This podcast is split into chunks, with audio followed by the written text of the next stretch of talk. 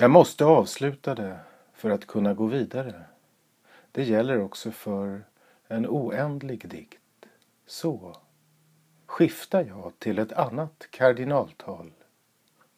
Vad är det då som skiftar? Något alls? Eller bara det seende ögat ovanför alla tal, alla entiteter? Kan alls något finnas? Och hur? Fallande rör jag mig överallt. I den svenska poesihistorien existerar inget verk som liknar Göran Sonnevis.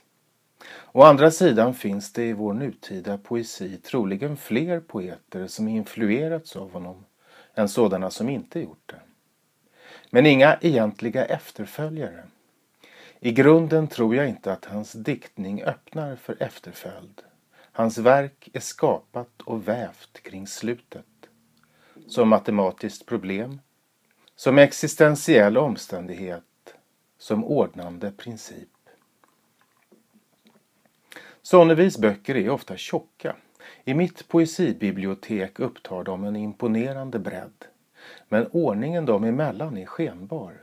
Dikterna i böckerna överlappar och skjuts in i varandra ungefär som när man blandar en kortlek. Det finns förvisso en utskriven kronologi men själva tiden väckar och ringlar sig kring sig själv. Ögonblick skjuter fram igenom och ur varandra. Också när dikterna, som ofta är fallet, noggrant daterats kan läsaren sällan veta säkert när hen läser. I gengäld behöver en aldrig tveka om var. Göran Sonnevis verk liknar i varje del sig självt.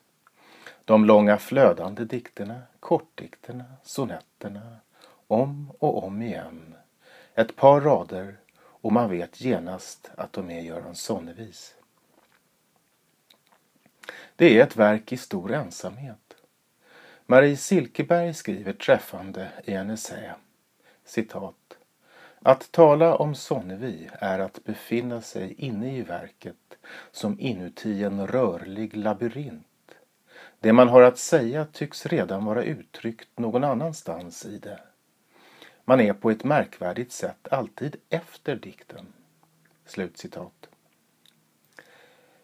Jag tänker att denna förnimmelse beror av verkets förbund med slutet. Det följande har alltid redan skett. Läsaren kommer alltid för sent. Livet är redan inväxlat. Verket redan vordet verk. Det liknar ett system som alstrar sig självt och som i sin expansion också införlivar alla invändningar mot självalstring och systematik. Dikten talar om det oavslutade, det infinitesmala, den oändliga rörelsen mot noll, klyvningarna, delandet, söndrandet, transcendensens alla uttryck, de eskatologiska, kosmologiska, de abstrakta och mystiska. Ja, men alla dessa invändningar mot slutet omsluts av, innesluts i, försluts, sluter tätt mot, sluter sig hjälplöst till slutet. Så betraktat, som ett ohjälpligt något, förefaller mig Göran Sonnevis verk ibland djupt skrämmande som en blank sfär, en dödsstjärna, en svart sol. I sin belägenhet av efteråt och utanför blir läsaren hänvisad till ett voyeuristiskt begär. Man börjar läsa dikten biografiskt, gör sig förtrogen med dess personage, älskade vän, mor, far, Lena, Göran. ARB och alla de andra initialerna. De ständiga tankarna kring krigen Indokina, Afghanistan, Irak, Tjetjenien, Syrien. Folkmorden, landskapen och de återkommande naturtyperna. Öarna Gotland, Öland och Koster, resorna. De återkommande poeterna, Selan, Hölderlin, Pound. Musiken som ofta spelas i dikterna, Mozart, Schönberg, Bach. En biomatris lägger sig över verket. Berättelsen om ett särskilt liv pressar sig in mellan läsaren och dikten.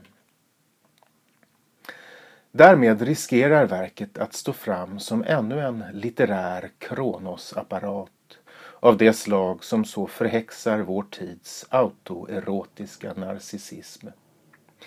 Men Göran Sonnevis verk är ingen enkel dagbok, ingen själviscensättning, ingen autofiktion. En sån läsning är falskt försonande. Det är inte livet, utan alltid döden som står på spel i hans poesi. Hans verk är i det perspektivet inte en bio, utan en tanatografi, en dödsskrift. I den nya boken med den skrämmande titeln Sekvenser mot Omega står det klarare än kanske någonsin tidigare. Bokstaven O har alltid haft en särställning i hans diktning. Dess mångtydighet i betydelse och funktion. Av negation, apostrof, interjektion och nolla. Men här står oet allra mest fram som det slutna som ring, som tecknet för skillnaden mellan inom och utom. Men också förstås för den sista bokstaven, omega, det O som till skillnad från omikron inte beskrivs av en cirkel utan en våg. Och det är just genom denna var gång lika överraskande vändning när slutet plötsligt inte sluter utan öppnar. Som Göran Sonnevis verk vinner sin verkan. Det som sker är att de bärande abstraktionerna ordning, slut och oändlighet plötsligt står fram som erfarenhetskategorier. Som tid, död och evighet.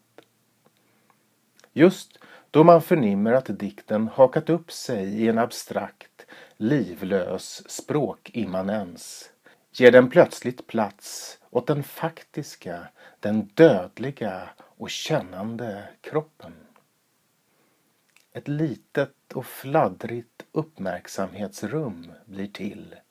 En sorts öppet ansvar.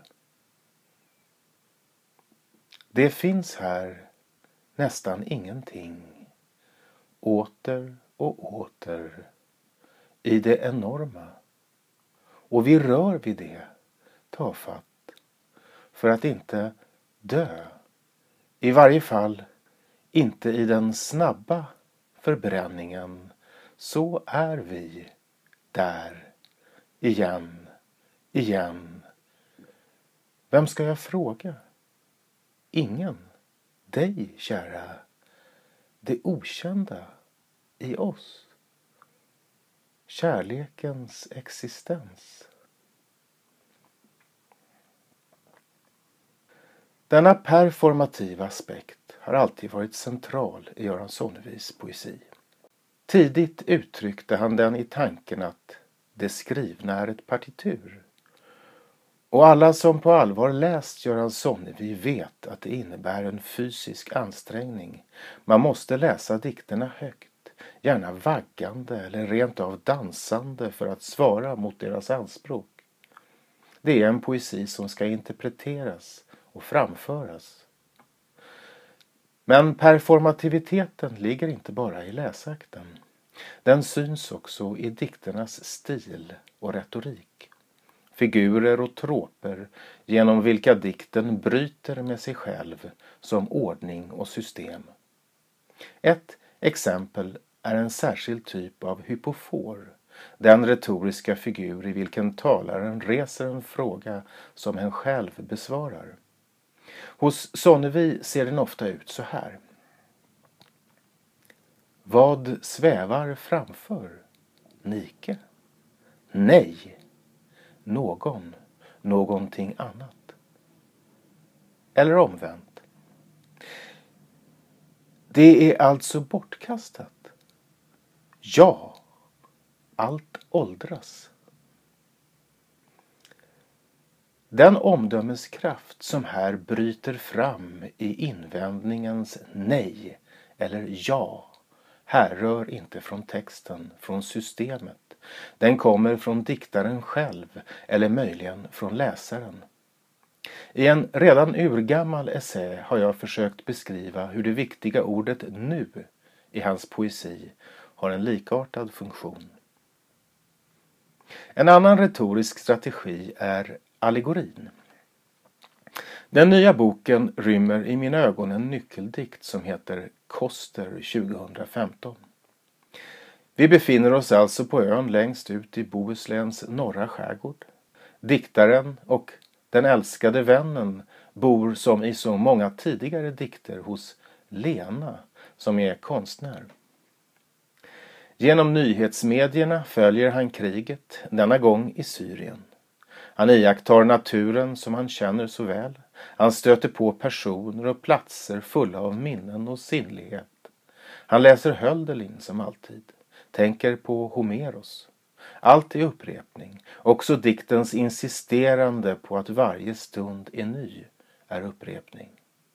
Dikten tycks skriva sig själv, som en automat tömmer den sig hjälplöst på mening. Men så öppnar sig en glipa. Han skymtar Lena genom ateljédörren. Hon målar två dukar med blommor. Och plötsligt uppstår allegorin, skapandet, också av den dikt vi just läser, rycks ut ur systemet och knyts till nuet och händelsens gåta. Dikten blir, med den målande Lena som bildled, en gestaltning och kommentar till sin egen tillblivelse, men även till själva läsakten som därmed också skrivs in i allegorin, i verket, förstått inte som något utan som verkan. Dikten slutar i en sorts stilla extas där Sonnevi återknyter till en sfär som alltid är löftesrik i hans poesi, alkemins. Nu regnar det. Hörde det? Vi kom i regn, ska kanske också fara i regn. Vi ska kanske också störa varandra, men utan avsikt. Klingande stöter vi mot varandra. Guld. Sekvenser mot Omega rymmer flera sådana moment när dikten bryter med verket som ett ordnat något och istället verkar genom händelsen och oss som läser den. Inte minst finns här en svit om 13 sonetter vars titel, datering och temata knyter dem till Klangernas bok som utkom 1998 och som kretsar kring moderns död.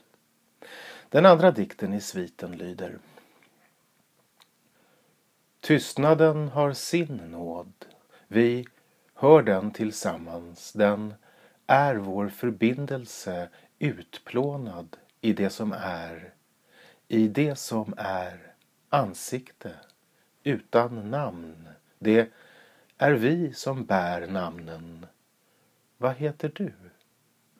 Du behöver inte svara. Vi ser varandra nu. Seendet har sin viskning bortanför beröringens gräns. Svagt, svagt kommer klangen. Så är vi i närvaron viskande, utplånande kärlek? Ja, kanske. Vi är i det som finns eller inte finns. Jag läser sonetten om och om igen och tänker det är när Göran Sonnevi lyckas förankra sitt verk på själva gränsen mellan död och liv, mellan tecken och kropp, mellan skriva och läsa, skapa och bevittna. på gränsen själv, där skillnad inte råder. Det är när hans verk gör slutet som sådant beboeligt, eller i alla fall tillgängligt på nytt och på nytt, som det finner sin verkan. En liten låga tänds och skapar ett tillfälligt rum. Den lyser svagt som en viskning. Den lovar ingenting utöver vad den faktiskt ger. Kärlek? Ja, kanske. Vi är i det som finns eller inte finns.